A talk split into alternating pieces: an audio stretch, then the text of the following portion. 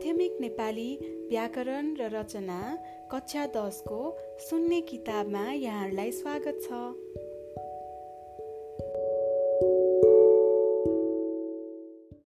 एकाइ चार पाना नम्बर एक सय चौरासी जीवनी लेखन। एक जीवनीको परिचय। कुनै विशिष्ट व्यक्तिका जीवनका सबै पक्षहरूको अध्ययन गरी लेखिने लेखलाई जीवनी भनिन्छ।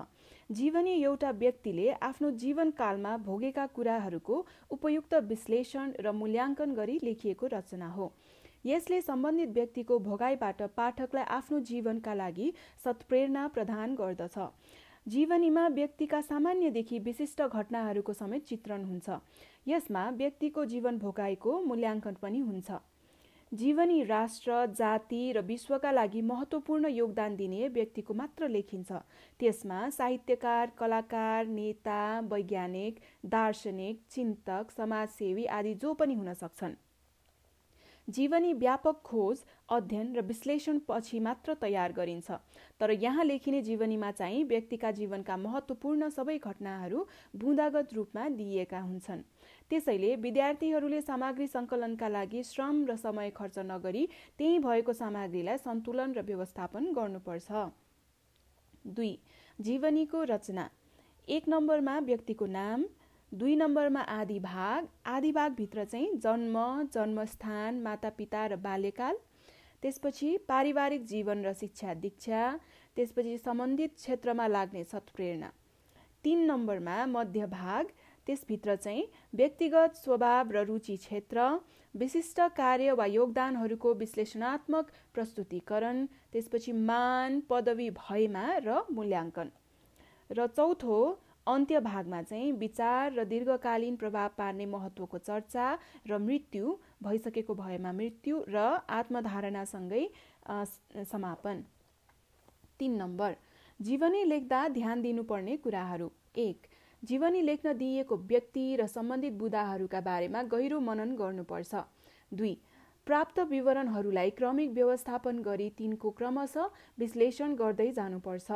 तिन जीवनीमा वास्तविक र पत्याउन सकिने कुराको मात्र चर्चा गर्नुपर्छ।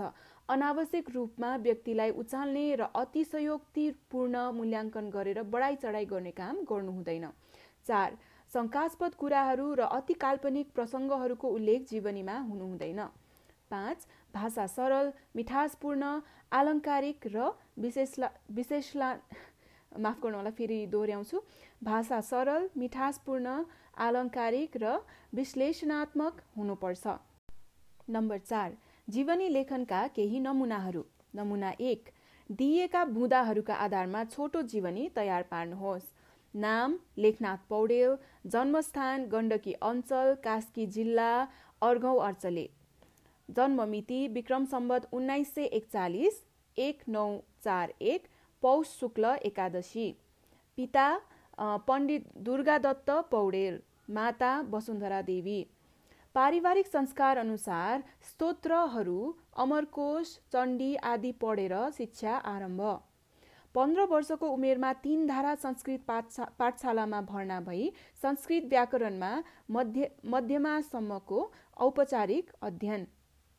विक्रम सम्बत उन्नाइस सय छप्पन्न एक नौ पाँच छदेखि संस्कृत र नेपालीमा समस्यापूर्ति कविता लेख्न आरम्भ। घर व्यवहारका सिलसिलामा मधेस आसाम हुँदै काठमाडौँ पुग्नु केही समय काम नपाई दुःख पाउनु। राममणि आदिको सहयोगले सदाशिव दीक्षित कहाँ ट्युसन गरेर भीम शमशेरका नातिहरूलाई पढाउँदै जीविका चलाउनु र काव्यको साधना गर्नु। नेपाली साहित्यमा आधुनिक कालका आरम्भकर्ता। कविता काव्य बाहेक नाटक क्षेत्रमा पनि प्रसिद्ध हुनु। दुई हजार आठ सालमा कवि शिरोमणिको उपाधि पाउनु। दुई हजार एघार सालमा उनको जन्मोत्सवको अवसरमा साहित्यकार र उच्च पदस्थ व्यक्तिहरूद्वारा उनको रथयात्रा र अभिनन्दन। दुई हजार चौध सालमा नेपाल राजकीय प्रज्ञा प्रतिष्ठानको सदस्यता दुई हजार उन्नाइस सालमा उनको तस्बिर अङ्कित हुलाक टिकट प्रकाशित मृत्यु पश्चात दुई हजार छब्बिस सालमा त्रिभुवन पुरस्कारद्वारा सम्मानित। तरुण तपसी ऋतु विचार बुद्धि विनोद सत्यकली संवाद आदि कृतिहरू मार्फत नेपाली साहित्यको परिष्कारवादी धाराका अगुवा बन्नु। दुई हजार बाइस साल फागुन सात गते महाशिवरात्रिका दिन देवघाटमा निधन। अब यसको जीवनी पढेर सुनाउँछु। यो यो बुँदाहरूको आधारमा शीर्षक लेखनाथ पौडेल नाम भयो। नेपाली साहित्यका त्रिमूर्ति मध्येका एक मानिने कवि शिरोमणि लेखनाथ पौड्यालको जन्म गण्डकी अञ्चल कास्की जिल्लाको अर्धौँ अर्चले भन्ने ठाउँमा विक्रम सम्बत उन्नाइस सय एकचालिस पौष शुक्ल एकादशीका दिन भएको हो। पिता पण्डित दुर्गादत्त पौडेल र माता वसुन्धरा देवीका सुपुत्रमा रूप सुपुत्रका रूपमा जन्मिएका लेखनाथले पारिवारिक संस्कार अनुसार स्तोत्रहरू अमरकोश चण्डी आदि पढेर घरबाटै शिक्षा आरम्भ गरेका हुन्। प्रारम्भिक शिक्षा घरबाट नै हासिल हासिल गरेका उनले पन्ध्र वर्षको उमेरमा तीन धारा संस्कृत पाठशालामा भर्ना भई संस्कृत व्याकरणमा मध्यमासम्मको औपचारिक अध्ययन पुरा गरे। लेखनाथ विक्रम सम्बत उन्नाइस सय छप्पन्नदेखि संस्कृत र नेपालीमा समस्यापूर्ति कविता लेख्न प्रारम्भ गरी नेपाली साहित्यका क्षेत्रमा प्रवेश गरेका हुन्। उनी घर व्यवहारका सिलसिलामा मधेस आसाम हुँदै काठमाडौँ पुगे र केही समय काम नपाएर उनले निकै दुःख पनि पाए। तर राममणि आदिको सहयोगले लेखनाथले सदाशिव दीक्षितका घरमा ट्युसन पढाउने काम पाए। त्यहाँ उनले भीम शमशेरका नातिहरूलाई पढाएर त्यसबाट आएको आम्दानीबाट जीविका चलाउने काम गरे। यसबाट केही मात्रामा आर्थिक सङ्कट टरेपछि उनी काव्यको साधनामा समर्पित भए। लेखनाथ नेपाली साहित्यका आधुनिक कालका प्रवर्तक हुन्। उनी नेपाली कविता वा काव्यका क्षेत्रमा मात्र होइन नाटकका क्षेत्रमा पनि प्रसिद्ध र सम्मानित छन्। उनले नेपाली साहित्यका क्षेत्रमा दिएको विशिष्ट योगदानको उच्च मूल्याङ्कन गर्दै दुई हजार आठ सालमा कवि शिरोमणिको उपाधि प्रदान गरियो। साथै दुई हजार एघार सालमा उनको जन्मोत्सवका अवसरमा साहित्यकार र उच्च पदस्थ व्यक्तिहरूद्वारा रथयात्रा र सार्वजनिक अभिनन्दन समेत गरियो। यसरी नै दुई हजार चौध सालमा लेखनाथलाई नेपाल राजकीय प्रज्ञा प्रतिष्ठानको सदस्यता प्रदान गरी दुई हजार उन्नाइस सालमा उनको तस्विर अङ्कित हुलाक टिकट समेत प्रकाशन गर्नुका साथै मृत्यु पश्चात दुई हजार छब्बिस सालमा उनलाई त्रिभुवन पुरस्कारबाट सम्मानित गरियो। लेखनाथ परिष्कारवादी कवि हुन्। उनका विभिन्न विधाका अनेकौं कृतिहरू प्रकाशित छन्।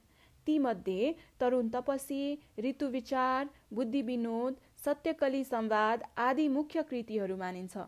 यिनै कृति मार्फत उनी नेपाली साहित्यको परिष्कारवादी धाराका अगुवा बन्न पुगेका हुन्। यस्ता नेपाली साहित्यका विराट प्रतिभा कवि शिरोमणि लेखनाथ पौडेलको निधन विक्रम सम्बत दुई हजार बाइस फागुन सात गते महाशिवरात्रिका दिन देवघाटमा भयो।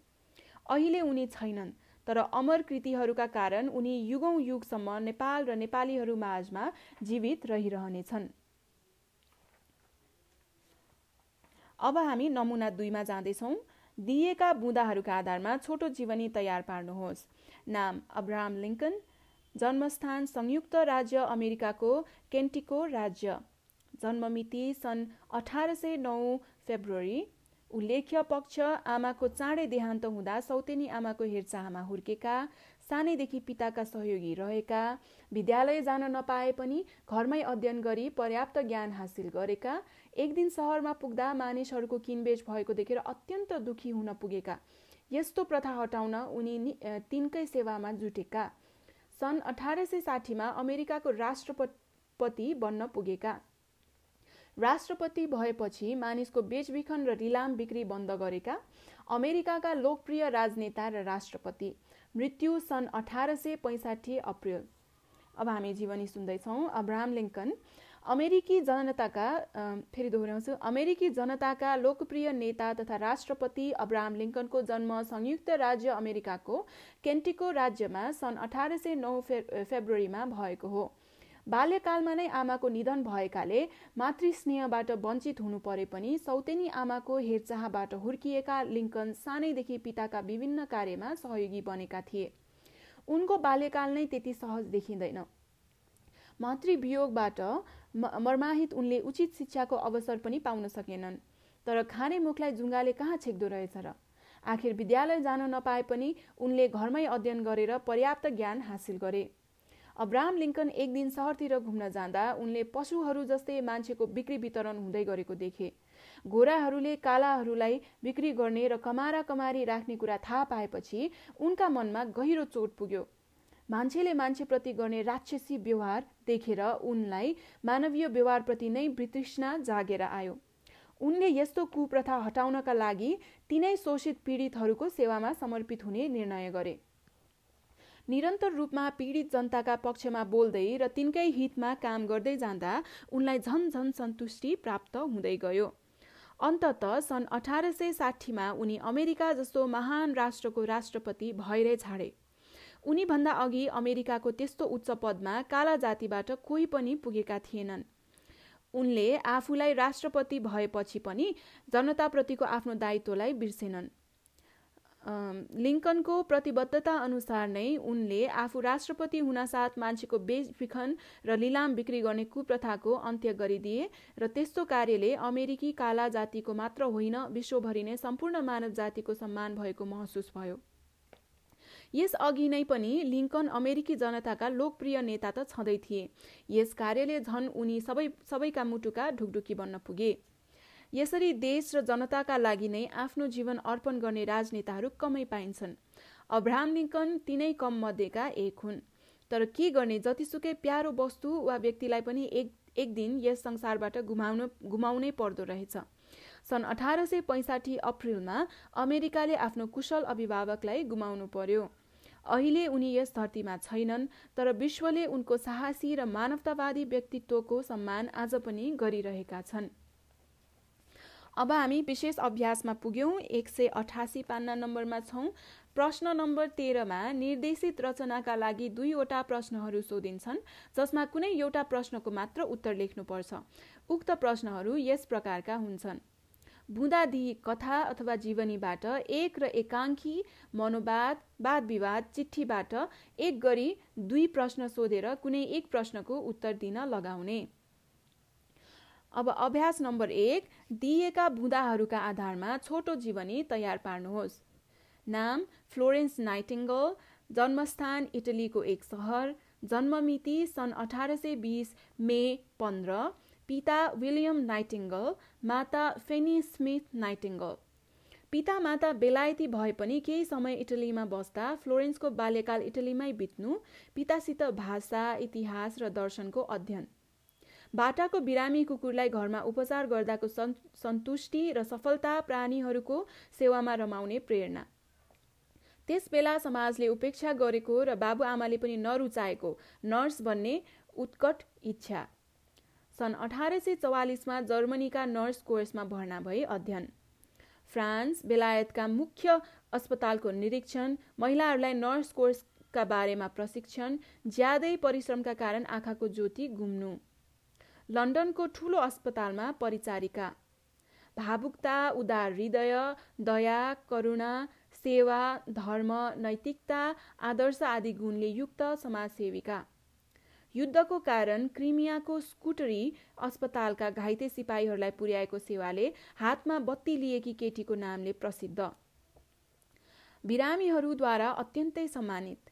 आजीवन अविवाहित रहेर मानव कल्याणमै समर्पित व्यक्तित्व। नर्स पेसालाई अनुकरणीय बनाउने स्वास्थ्यकी देवी। जीवनका अन्तिम दिनहरूमा सेन्ट थोमस नर्स ट्रेनिङ अस्पतालको स्थापना। बेलायत सरकारद्वारा अर्डर द मेरिटको उपाधिले सम्मानित। इटली सरकारद्वारा उनी जन्मेको सहरलाई उनकै नामबाट नामाकरण। सहरलाई नै सेवामुखी जीवनको प्रेरणा दिएर नब्बे वर्षको सहर होइन रहेछ। संसार माफ गर्नुहोला। संसारलाई नै सेवामुखी जीवनको प्रेरणा दिएर नब्बे वर्षको उमेरमा देहावसन। दुई नम्बर दिएका बुँदाहरूका आधारमा छोटो जीवनी तयार पार्नुहोस्। नाम बाबुराम आचार्य जन्ममिति विक्रम सम्बत उन्नाइस सय चौवालिस चैत्र जन्मस्थान काठमाडौँको गौचर पिता धर्मदत्त आचार्य। काठमाडौँ र बनारसमा गणित धर्मशास्त्र र व्याकरणको अध्ययन अङ्ग्रेजीको स्वाध्ययन। विक्रम सम्बत उन्नाइस सय सडसठीदेखि इतिहासको खोजमा तल्लीन। राजा त्रिभुवनबाट दुई हजार आठ सालमा इतिहास शिरोमणिको पदले विभूषित। दुई हजार बिस सालमा त्रिभुवन पुरस्कार प्राप्त। निरन्तरको खोज र अध्ययनले गर्दा आँखाको ज्योति गुमाएका। कृतिहरू तुलनात्मक सुन्दर काण्ड पुराना कवि र कविता नेपालको संक्षिप्त वृत्तान्त श्री पाँच बडा महाराज धीराज पृथ्वीनारायण शाह अन्तरिक्ष विज्ञान। इतिहासको खोजमा तीव्र रुचि आफ्नो सम्पत्ति र आँखा समेत यसै क्षेत्रको खोजमा समर्पित अथक साधक असाधारण स्मरण शक्ति भाषा साहित्य र इतिहासका अनन्य सेवक। विक्रम सम्मत दुई हजार उन्तिस भाद्रमा पचासी वर्षको उमेरमा मृत्यु। नम्बर तिन दिइएका बुँदाहरूका आधारमा छोटो जीवनी तयार पार्नुहोस्। नाम विलियम सेक्सपियर जन्ममिति पन्ध्र सय चौ चौसाठी अप्रिल तेइस। जन्मस्थान बेलायतको स्ट्राटफोर्ड नगर पिता जन सेक्सपियर माता मेरी आर्डन शिक्षा आफ्नै सहरको ग्रामर स्कुलमा माध्यमिक शिक्षा सानैदेखि कविता र नाटक लेखनमा रुचि विश्वप्रसिद्ध नाटककार सन् सोह्र सय चौसाठीमा उनका सबै कृतिहरूको सङ्कलन गरी छापिएको ग्रन्थ सैतिसवटा नाटक एघारवटा लामा छोटा कविताहरू र एक सय चौन्नवटा चौध हरफे कविताहरू प्रकाशित। ऐतिहासिक संयोगान्त र वियोगान्त गरी तीन किसिमका नाटकहरूका स्रष्टा।